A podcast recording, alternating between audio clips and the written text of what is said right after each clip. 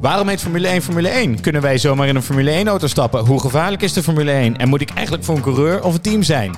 Jij bent Dummy en zit met vragen. Wij gaan proberen antwoord te geven. Welkom bij deze speciale Flat Podcast aflevering F1 voor Dummies. You need to go, you need to go. Bottas is coming. that we go from race to race and then from race to race it went from day to day and then from day to day it went to session to session you know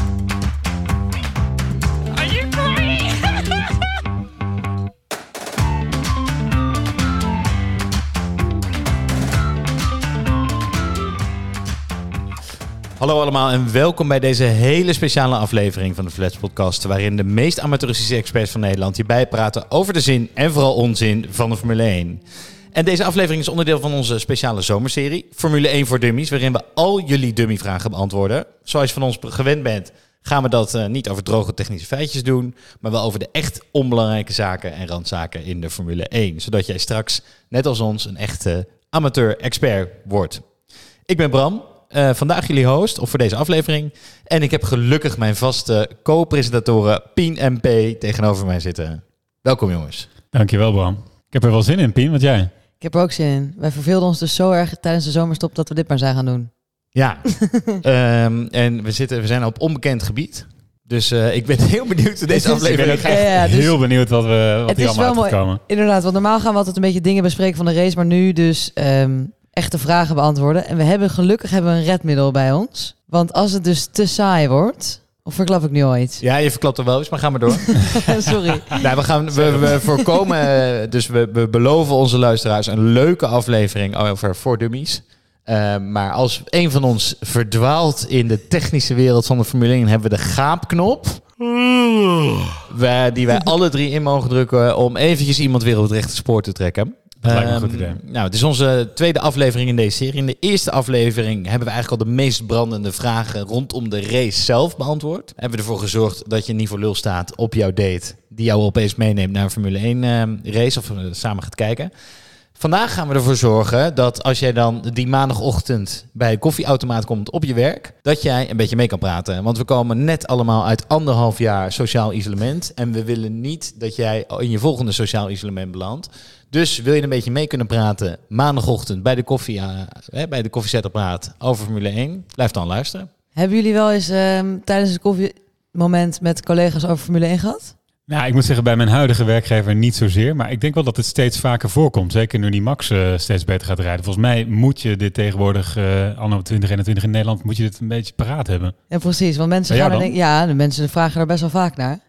Oh, was echt heftig hè, dit weekend. En dan zo'n race bespreken. Als je dan niet mee kan doen, Ja, dan zit je daar natuurlijk. Nee, ik, eh, sta je gewoon voor lul. Eh, zonder grap, ik denk vorige week serieus uit het koffiezetapparaat over Formule 1 gepraat. Ja. En wat P zegt, ja, weet je, er komt een moment dat Max Verstappen kampioen wordt. Die dag komt dichterbij. Op dan die, wil je dus altijd net degene zijn die hem daarvoor al kende, weet je wel? ja, Dus toen iemand beroemd werd, wil je eigenlijk zeggen... ja, maar ik kende hem dus toen hij nog net niet beroemd was. of zoals de echte F1 diehard zeggen, ik keek al Formule 1 voordat Max reed. Ja, ja, Ja, dat dat. gaat belangrijk worden. En dus daar, ja. daar, we gaan dus doen, in deze aflevering gaan we dus net zo ver brengen... zoals het lijkt alsof je dus vanaf toen al Formule 1 keek. Precies. Nou, heel goed, dan gaan we aan de slag. Eh, we hebben opgeroepen voor vragen en we hebben in grote getalen hebben we vragen gekregen. Massaal. Dus ik zeg, die gaan we, daar hebben wij een fijne selectie van gemaakt. En die gaan we maar behandelen.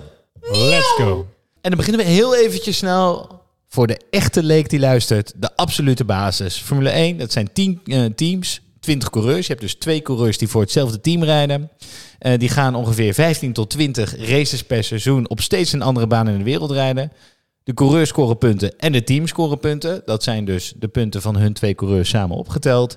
En aan het einde van het seizoen wint de coureur met de meeste punten. Die wordt kampioen. En het team met de meeste punten wordt de kampioen bij de constructeurs. Tot zover deze absolute basis. Pien, ik heb hier de eerste vraag eigenlijk voor jou. En die vraag is, waarom heet de Formule 1 eigenlijk de Formule 1? Wat een goede vraag zeg. Wie heeft die ingestuurd? Anoniem. Ehm, heb je de gaapknop al klaar? Het antwoord namelijk is eigenlijk niet zo heel boeiend, maar wel goed om te weten, want dan heb je weer iets om te vertellen. De, de Formule 1 heet zo omdat je je moet houden aan een, een, set van formules Bij het ontwerpen van de auto. bij het ontwerpen van de auto. Ja, dat klopt. Heel goed. En, dus, en, dus daar, en het heet één omdat het gewoon een beetje de eredivisie is van al die formules die er zijn. Dus die raceklasses. Dus daarom heet het Formule 1. Maar kunnen we eens even een stapje terugnemen dat zij dus een sport vernoemd hebben naar het reglement? Dat vind ik ook echt niet normaal trouwens. Hier heb ik nog nooit over Maar nagedacht. ik vind één, ik wist het niet. En twee, ik vind het ook niet heel sexy. Nee, het is alsof je voetbal buitenspel noemt consequent. Dus Ja. toch, ook- dat Dat doe is je... toch ook eigenlijk heel raar. Ja. Maar goed, het is eh dank. Ik zat heel hard na te denken over een tennisanalogie, maar ik kon er gewoon niet zo makkelijk op komen. Eh, en wat ik, dus ook, wat ik me dus wel eens afvraag, want dus dat meteen voor de leek ook. Die auto's die moeten aan allerlei reglementen voldoen. En daarom zijn ze niet zo snel als ze kunnen zijn. Dus er worden steeds weer nieuwe dingetjes toegevoegd, zodat die auto's juist weer wat langzamer gaan. Maar wat als je inderdaad alle beperkingen zou opheffen en dan zo'n team zijn werk laat doen? Dan krijg je een bizarre auto. Ja, en ook een hele onveilige situatie wil ik bang. Maar ja, je krijgt dan... Nee, zeker op rechte stukken krijg je hele, hele hoge snelheden. Ja. Maar en ik bedoel, als iedereen nou dezelfde auto zou krijgen, ja, maar dat is ook weer saai. Ja, daar komen we straks in misschien wel. Maar dat Ja, vind ik ook wel weer de charme dat straks verschil is. Je kan ook in zo'n Renault Clio-klasse gaan rijden. Ja, toch saai. Allemaal twintig dezelfde auto's. Ja, komt er denk je ook een Prius-klasse? Ik hoop het, daar ga ik meedoen. Dan wordt P kampioen. Ja, daar wordt hij wel kampioen. En ja. over kampioenen gesproken, wij kregen de vraag binnen: is de Formule 1 dan eigenlijk een soort wereldkampioenschap van de autosport? Ja, en dat is meteen wel een lastige, want er zijn dus concurrerende raceklasses in de wereld die allemaal ja, niet een officiële status hebben. Hè? Dus er is niet zoiets als een wereldkampioenschap voetbal waarin er duidelijk één winnaar is. Ehm, we kunnen wel zeggen dat de Formule 1 de koningsklasse is van alle raceklasses ter wereld. Dus het is de meest prestigieuze, er gaat het meest geld in om. En het zijn ook wel de beste auto's. Wat er nog het dichtst bij in de buurt komt, is de IndyCar in de VS. Daar hoor je ook wel eens over. Er worden wel steeds meer worden de coureurs uitgewisseld.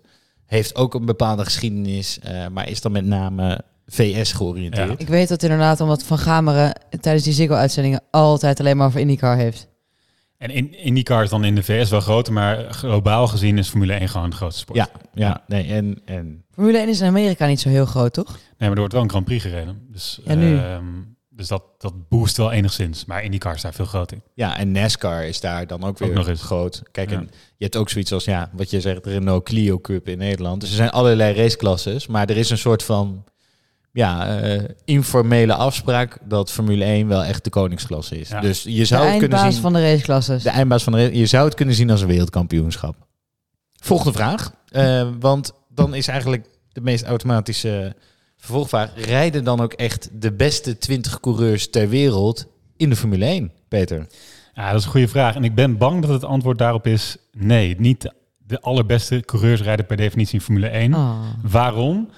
Ja, en dat is gewoon de, de werkelijkheid van deze wereld. Omdat eh, geld nou ook eenmaal best wel belangrijk is. Dus je hebt best wel wat pieken nodig om in, eh, in bijvoorbeeld ook in de klasses, autoklasses onder eh, Formule 1 te komen. Het is niet een heel laagdrempelige sport waar je even een bal pakt en begint te voetballen.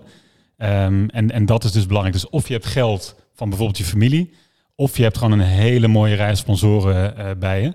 Maar dat is vaak wel eh, wat ook mede nodig is, naast kwaliteit van de coureur uiteraard, om echt in die Formule 1 te komen. Dus Ja. het is talent plus mazzel en of rijke ouders. Nou ja, of rijke vrienden of rijke sponsoren. Kijk, bijvoorbeeld zo'n eh Perez, komen we straks nog een keer op. Die heeft dan eh, Carlos Slim bij zich met Telcel. Ik weet niet of zijn familie Heeft zelf per se heel belangrijk is, maar hij heeft wel belangrijke Mexicaanse sponsoren.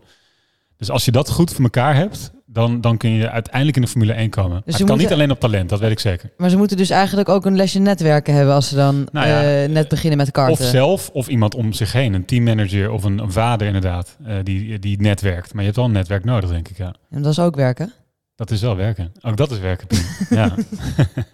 Eh, en ja, ik vind het meest treffende voorbeeld op dit moment op de grid vind je, je hebt, je hebt Mazepin als coureur en je hebt Ocon als coureur. Nou, Mazepin, het straalt vanaf is overduidelijk, hebben we het vaak over, absoluut geen talent. Maar zijn vader betaalt gewoon 20 miljoen aan dat team. Zeker. Waarvan 19,5 naar Crash is gegaan. dus dat, dat is al op. Hij kreeg het zelf allemaal op, ja, maar dat terzijde. eh en die zit dus in de Formule 1. En je hebt dan Ocon, laatste race gewonnen.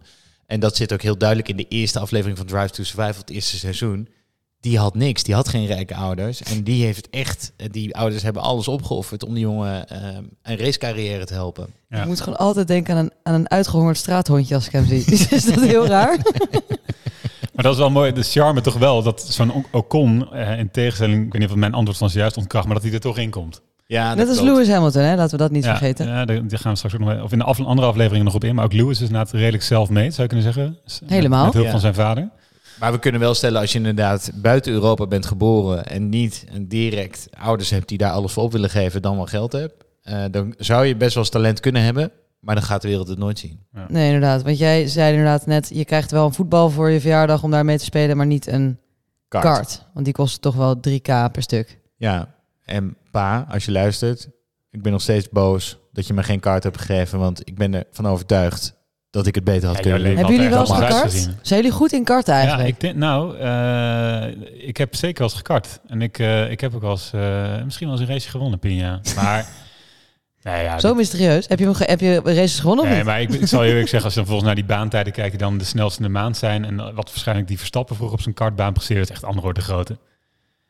Ja, Die, die leefde natuurlijk wekelijks dagelijks op die banen, maar goed. ik wil graag geloven dat ik goed ben in karten, maar het is gewoon echt niet waar. Jongens, we gaan even verder, want eh voorbordurend hierop kregen we ook een vraag. Wint nou eigenlijk, en dit is een, dit is een discussie die denk ik nooit ver weg gaat in de Formule 1, maar wint nou de beste auto of wint de beste coureur? Oh, dat is mijn vraag. Pien. Pien, dit weet jij. Nou ja, men zegt 80% auto en 20% coureur. Ehm, zijn we daarmee eens? Dat weet ik niet. Het is natuurlijk niet alleen een racersport, maar ook een technische sport. Nou, ladidadida. Wat je dus wel kan doen, is eh, je kan kijken naar teamgenoten. Want teamgenoten hebben dus dezelfde auto. Eh, en dan kan je dus talent met elkaar vergelijken. Dus dat is een beetje wat mensen ook zeggen. Hè? Van, oké, je teamgenoot is je allergrootste rivaal. Want als je het slechter doet dan hij, dan ben je ook slechter dan hij. Want hij heeft dezelfde auto, dus gaat het om kwaliteit. Maar ja, voor de rest is het natuurlijk wel gewoon hoe goed het team is, hoeveel geld het team heeft. En dat vinden mensen ook wel gewoon niet leuk aan een Formule 1. Ik snap dat wel. Nou, ik weet niet of het zozeer geldgerelateerd is, maar gewoon vaak zit er een correlatie, niet altijd. Maar de auto is wel, ik denk dat je de afgelopen zeven seizoenen zijn alle zeven door eh, Mercedes gewonnen. En eh, de tweede coureur van Mercedes werd volgens mij altijd tweede. En dat toont wel gewoon aan. Die auto Ja. is mega belangrijk. Ik, Ja. ben, ik ben normaal wel geneigd om elke stelling aan te vallen, maar ik denk dat dit wel klopt. 80% auto, 20% coureur. Ja, je ziet het dus als, als Russell dus in zo'n Mercedes gaat zitten, dat hij dan gelijk helemaal vooraan rijdt. Ehm, we gaan eventjes verder. eh, want de vraag, en dat, die vragen ook veel mensen zich af die net in deze sport komen kijken. Moet ik nou eigenlijk voor een team zijn? Of moet ik voor een coureur zijn? Peter. Ja, kijk, je moet helemaal niks. Eh, maar ik zou voor een coureur zijn. Ik denk dat veel mensen voor een coureur zijn. En, en dat is misschien ook nog wel landgebonden. Ik moet zeggen, ik ben, eh, ik ben ook natuurlijk wel een beetje. Max-fan. Ehm, maar dat, dat is voor mij sterker dan het team. En dan moet ik wel zeggen, tegelijkertijd ben je dan toch ook wel een beetje automatisch voor de andere coureur. Want samen maken ze als team kans op de constructeurstitel. Dus ze moeten ook samenwerken. En zonder je teamgenoot ga je ook zeker wat punten verliezen als je die hulp niet hebt. Maar ik ben, als ik het laat ik het voor mezelf spreken, ik ben persoonlijk voornamelijk voor de coureur meer dan voor het team. Maar doordat ik voor die coureur ben, heb ik ook zeker gevoelens voor de andere coureur en voor het team, uiteraard. Maar in de eerste plaats voor mij Zijn dat romantische gevoelens?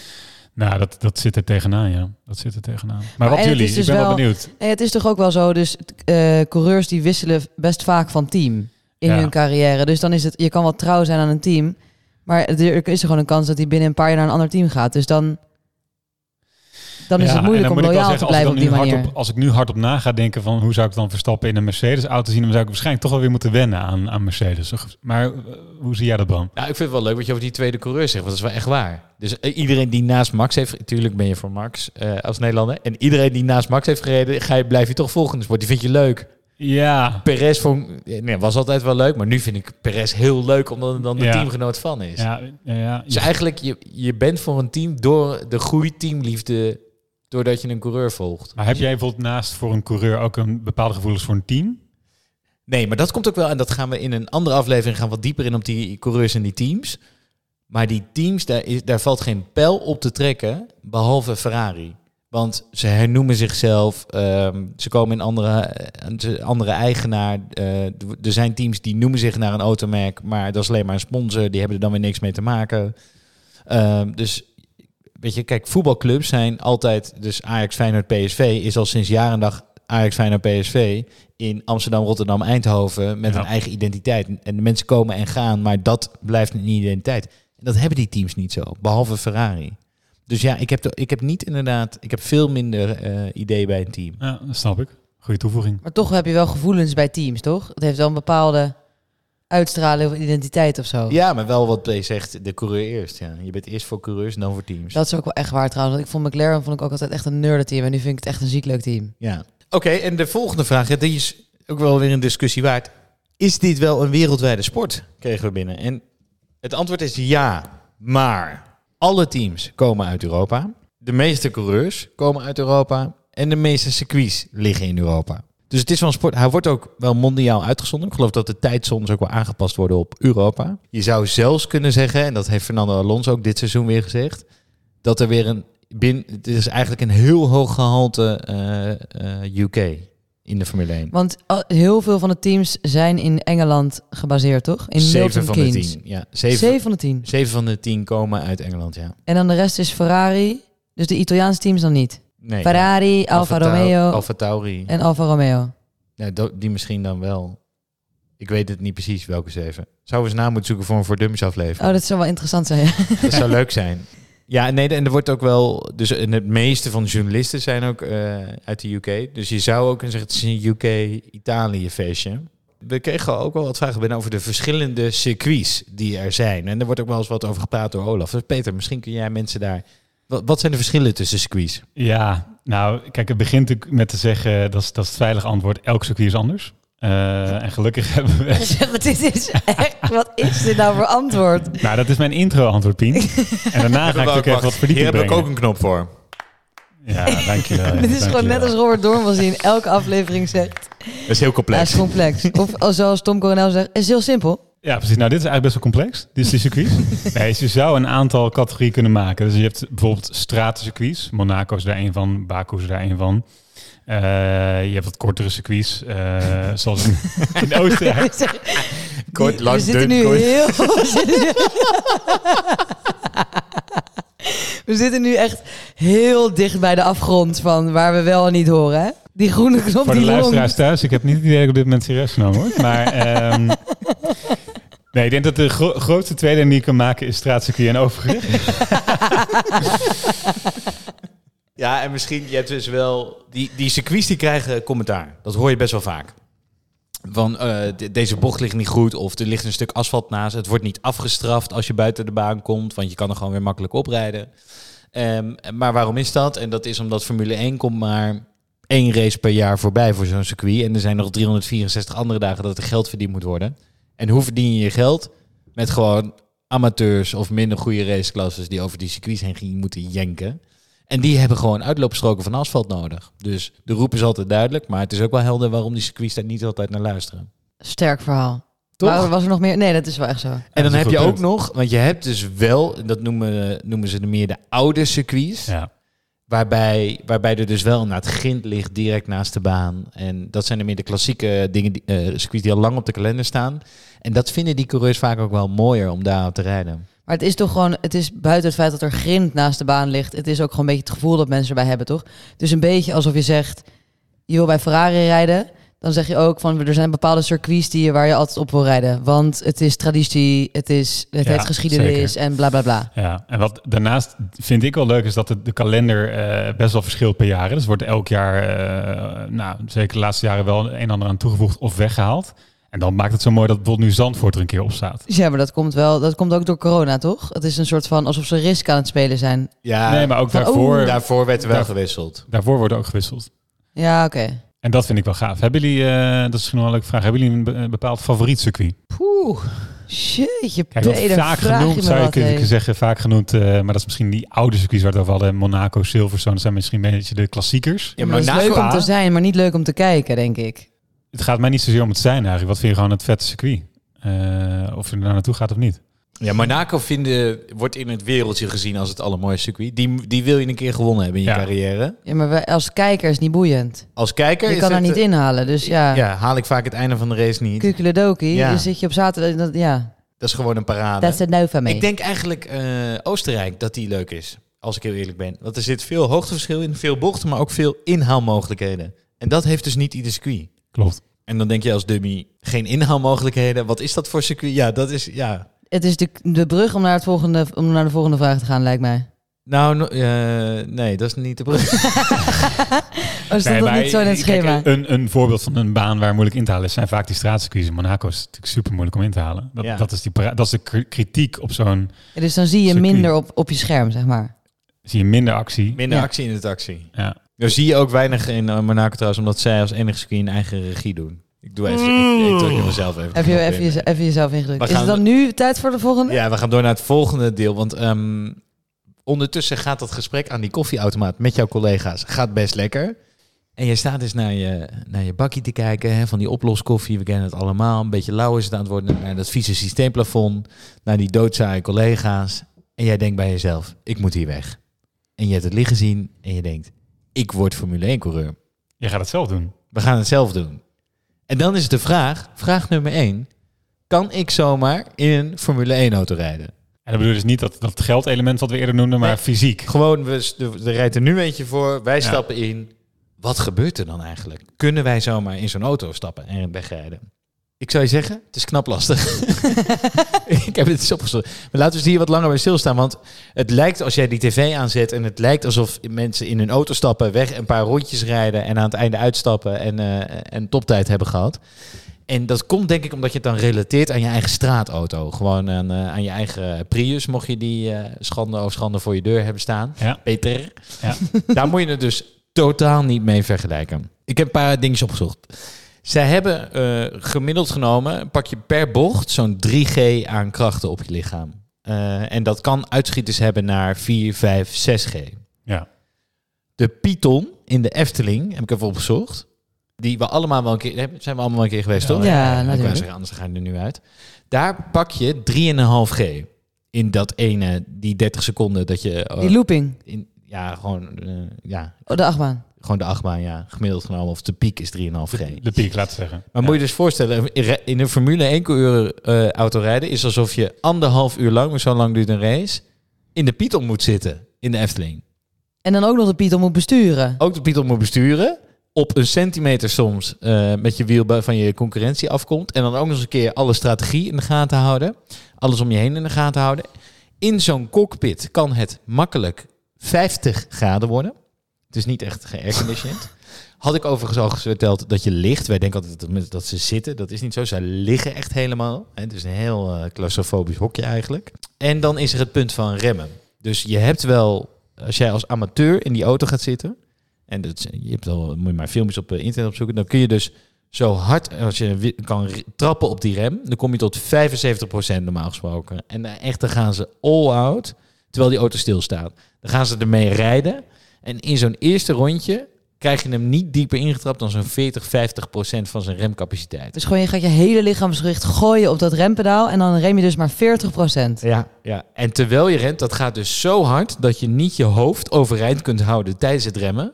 Dus je komt met eh, 300 op een bocht aanrijden en je gaat remmen. Ondanks dat jij maar 40% intrapt, heb je zoveel G-krachten naar voren dat je je hoofd niet overeind kan Dus je houden. klapt gewoon naar Klap voren. naar kan dashboard. voren. Op een gegeven moment dan kun jij net je hoofd omhoog trekken. Dan zie je dan net die bocht zo aan je voorbij gaan. En dan, dan flop gooi je die auto erin. Dan gaat hij wel mee op zich.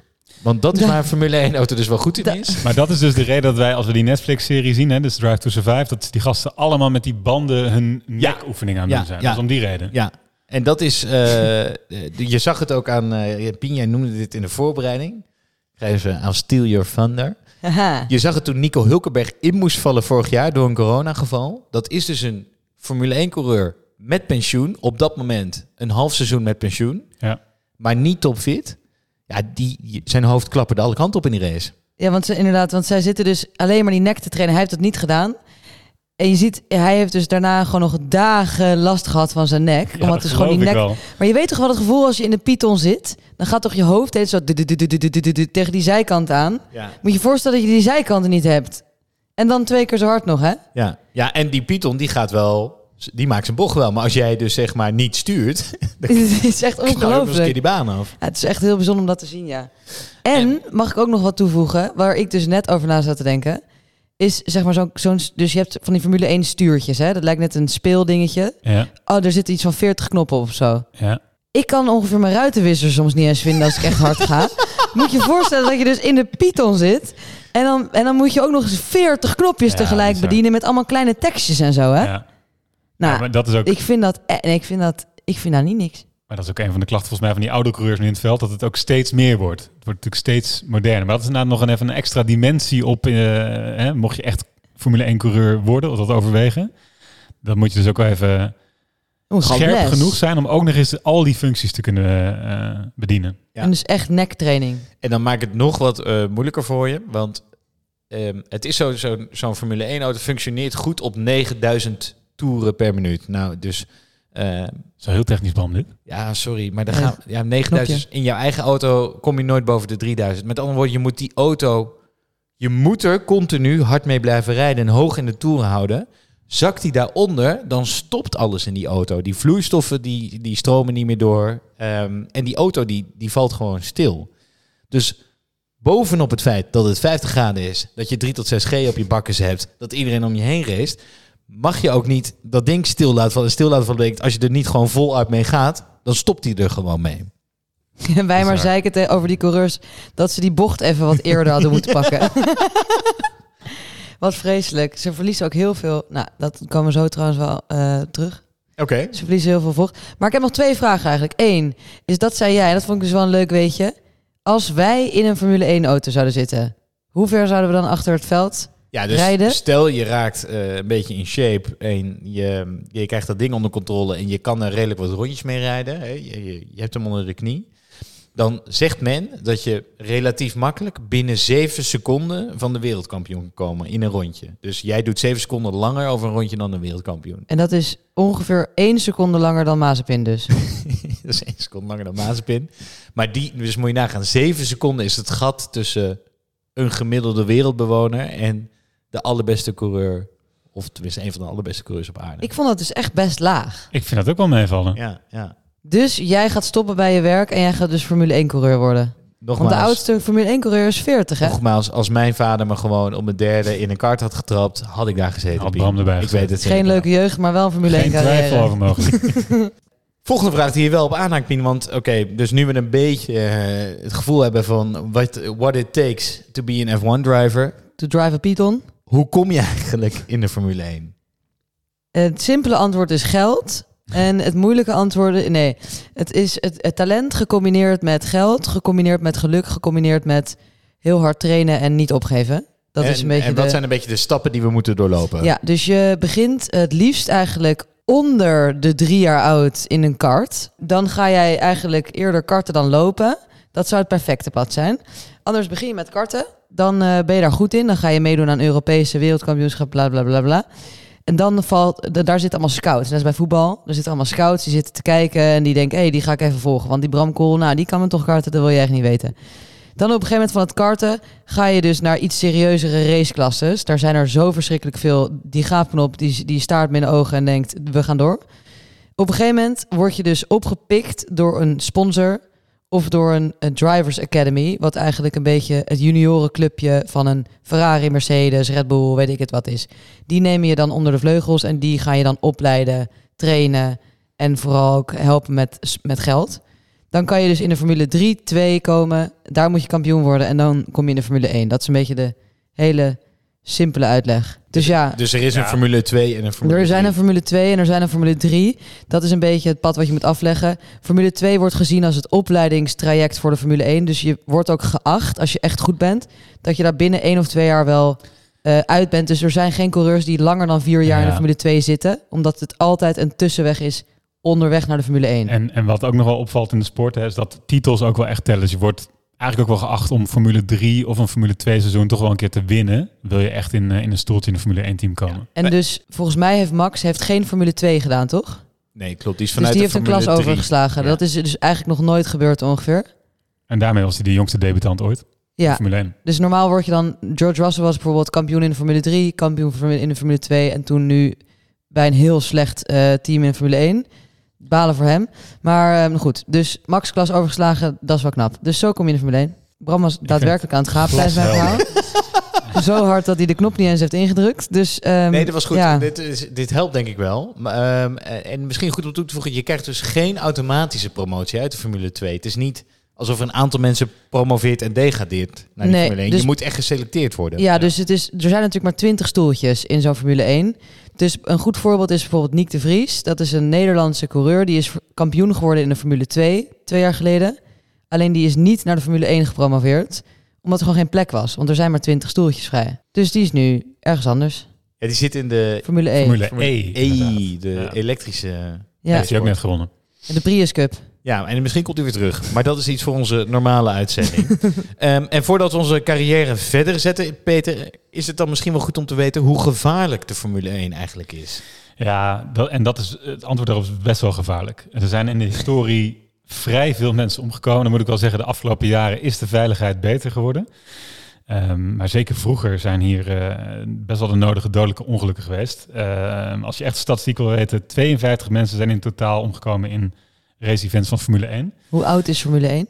Ja, dit is in 1950 begonnen. Ja. Dus 1950. eh, zeg maar 70 jaar. Na de oorlog. En het gebeurt niet veel meer, maar eh, Formule 1 heeft, natuurlijk- zijn we vrij dichtbij geweest recent met Grosjean in, in zijn crash. Maar in andere autoklasses, we hebben het natuurlijk eh, nog even over gehad, eh, was dat Formule 2 in Spa? Die, Ja, die vriend van eh, Gasly? Ja, die is, ehm, dat is de klas hieronder. Dus dat is Dat is- vorig, twee jaar geleden is er een Ja, is jongen redelijk overleden. recent nog een dodelijk ongeluk geweest. En wat je ziet aan veiligheidsmaatregelen, hè, dus om in beeld te geven, die halo, zoals dat heet, die ring om de helm van de coureur heen, dat is een van de maatregelen van de afgelopen jaren om die veiligheid maar te verbeteren. Ja, en dan, ik vraag me dus altijd af, hoe kunnen mensen nog zien? Want er zit dus zo'n balkje recht voor hun hoofd, Ja, toch? het- Dus als je naar dat ringetje kijkt om die auto, dan denk ik altijd... Je hebt dus altijd gewoon een balk zo in het Ja. midden van je gezichtsveld. Terwijl je in die Python zit. Terwijl eigenlijk is het gewoon elke keer komt er weer zo'n laagje bij waarvan je echt denkt... Hoe dan? Ja, maar nu, kan het, nu is het echt klaar, weet je wel. Nu is het gewoon... En dan wordt het weer ingewikkelder. Nee, maar goed, veel coureurs waren er ook niet zo blij mee toen die kwam. En zijn er nu wel heel blij mee. Want er zijn gewoon één, laten we zeggen, gemiddeld een keer per jaar blijkt wel dat dat ding gewoon levens kan redden. Nou, we hebben... Eigenlijk is de Formule 1 is wel een van de sporten die dus heel proactief met veiligheid sinds de jaren 80 al aan de slag zijn gaan. Dus in de jaren 50 was het echt instappen zonder gordel in zo'n open kuip. Het was echt, ja... Zonder gordel in de Python, hè? Moet je je voorstellen? Toen ging het dan niet zo hard. een hele pretpark om dicht. Toen was het meer een eh, zo'n zo'n kinderachtbaantje, denk ik, qua snelheid. Ja? Maar nog steeds, ja, Maar als nog jij steeds. uit die auto wordt gegooid, zo hou op. Nee, dat was echt gevaarlijk. Dat is van de jaar- jaren 80 hebben ze dat opgepakt. Laatste coureur die omkwam is in 2013 was ehm Bianchi. En die, eh, die schoot onder een eh, kraanauto die hem een auto aan het wegtakelen was. Ja. En toen hebben ze meteen die Halo geïntroduceerd. Dus zij zijn wel echt heel proactief in... eh, Reactief? eh, nee, ja, sorry, reactief wel. Maar ze reageren direct als er wat gebeurt om de veiligheid weer te vergroten. Ja. En dat is, als je kijkt bijvoorbeeld naar het wielrennen, ik verbaas me daar wel eens over. Er er komt ook geregeld dat eentje zich eh, doodrijdt, dan wel zwaar gewond. En zeker als het doodrijdt, ja, die jongens zijn een minuut stil en stappen daarna weer allemaal op de fiets. En er verandert helemaal niks. Maar wat kan je daar nog doen? Je kan toch niet zomaar een halo over je, Ja, over je helm heen trekken? Ja, dus we Kniebeschermers, ellebogenbeschermers. hebben te veel over wielrennen. Dat is waar. ja, laten we doorgaan. Hè? Wat een sport is dat?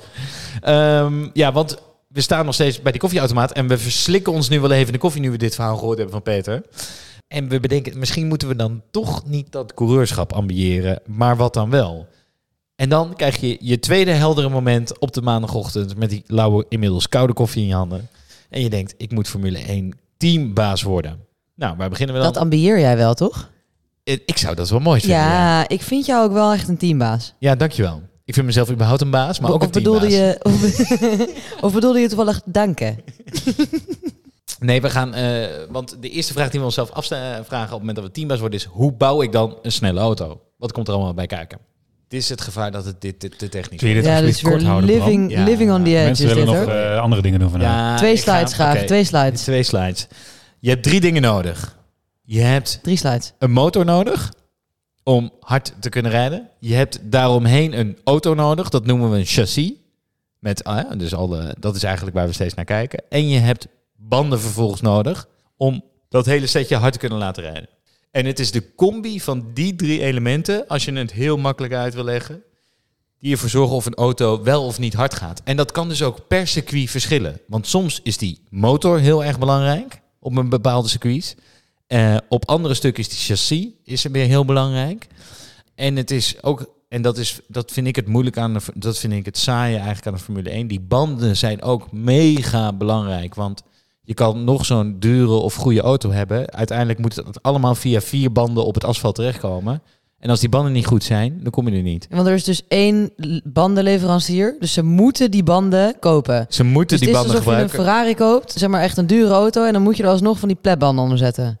Ja, maar die banden zijn op zich niet slecht. Maar die, het, het stom is, soms werken die wel of niet op een auto op een bepaald circuit. Dus de ene keer kan Max rijden met eh, de rode band op een circuit, een zachtere band. Gaat het allemaal goed? Doet hij er dan een iets hardere band onder, dan gaat het allemaal weer allemaal niet goed, omdat het dan weer niet de juiste temperatuur is. En dat kun je allemaal niet zien als kijker. En dat vind ik soms wel eens moeilijk. Ja, dat, is wel, dat, is, dat maakt de sport niet zo leuk en ingewikkeld. Nee, en dan, kom je, of dan is die de ene week goed en dan komen ze op het volgende circuit en dan reageert die band weer niet zoals zij denken dat hij reageert. Maar ja, voor mij is gewoon een band een band, ja. Dus ja, ik, maar wij doen ook een jaar met een band. Ik kan dat niet zien. Zij doen een, een 20 rondjes met een band. Rij jij na één jaar je banden op? Ik heb geen auto, dus in dat opzicht is het vrij makkelijk. Dan moeten we het toch eens gaan hebben over jouw rijstijl.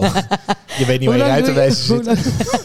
Je reed je banden in een jaar op. Ik kan niet karten, dus weet je wel, over het algemeen moet je niet bij mij in de auto gaan zitten. Daar komt het op neer. Maar nog even een belangrijk puntje misschien rondom eh, bijvoorbeeld motoren. Hè. Dus dat eigenlijk wordt er ook best wel veel uitgewisseld tussen teams. En dan komen we in een andere aflevering op terug, waarin we de teams en coureurs bespreken. Waarin bijvoorbeeld motoren van het ene team ook door andere eh, teams gebruikt worden. Ja, en dan heb je alleen maar een chassis en coureur die verschilt. Heb je eigenlijk alleen een chassis nodig, dan kun je gewoon gaan. Ja, Ja. ja. Nou, dat, dat is, eh, en daar zijn, eh, sommige teams zijn er heel creatief in, in een chassis vinden. Maar dat, gaat, eh, dat komt in een andere aflevering komt het terug. Heel goed. Wij gaan naar de laatste vraag alweer van deze aflevering. En die is voor jou, Pien. Want soms zie je een, coureur of een team voorbij komen. En dat is dan iets, een merk dat we kennen. Een Mercedes, Ferrari. Kan ik ook een auto van kopen. Als het heel goed zou gaan met deze podcast. Eh, en soms zie ik een team voorbij komen wat daar helemaal niks met auto's te maken heeft. De Red Bull, Haas. Hoe zit dat? Je hebt een aantal fabrieksteams inderdaad. Dat zijn gewoon een Mercedes die denkt... ik wil in de Formule 1 zitten om een aantal redenen. Die maken ook zelf motoren, et cetera. En heb je gewoon een paar eh, bedrijven... die eigenlijk een veredelde sponsordeal hebben... eh, met, eh, met de Formule 1, in de Formule 1, zeg maar, zoals een Red Bull. Die maken gewoon blikjes. En die dachten gewoon, ik ga heel, als je heel veel geld stopt in een raceteam... dan ben jij een soort van de eigenaar van het raceteam... En dan kan je dat gebruiken voor, ehm, ja, om zichtbaar te zijn als merk. Promotie, dat soort dingen, marketing, weet ik het. Eh, en daar zijn een goed aantal teams van. Dus je hebt gewoon, je hebt maar vier fabrieksteams, toch? Dus je hebt Mercedes, Ferrari, Renault en That's it. That's it. drie, drie Want- stuks maar. ja, en die Ja. zijn dus de enige drie van de tien teams die hun eigen motor maken. En de rest koopt dus allemaal bij hun. Ja, en dat is dus. Het, het, het stomme is eigenlijk dat. eh, je verwacht natuurlijk dat Mercedes, ja, die bouwen auto's. Dus als die een Formule 1 auto gaan bouwen, dat ze daar dan goed in zijn. Maar die worden dus. die zijn er dus ook wel echt goed in. Slecht voorbeeld.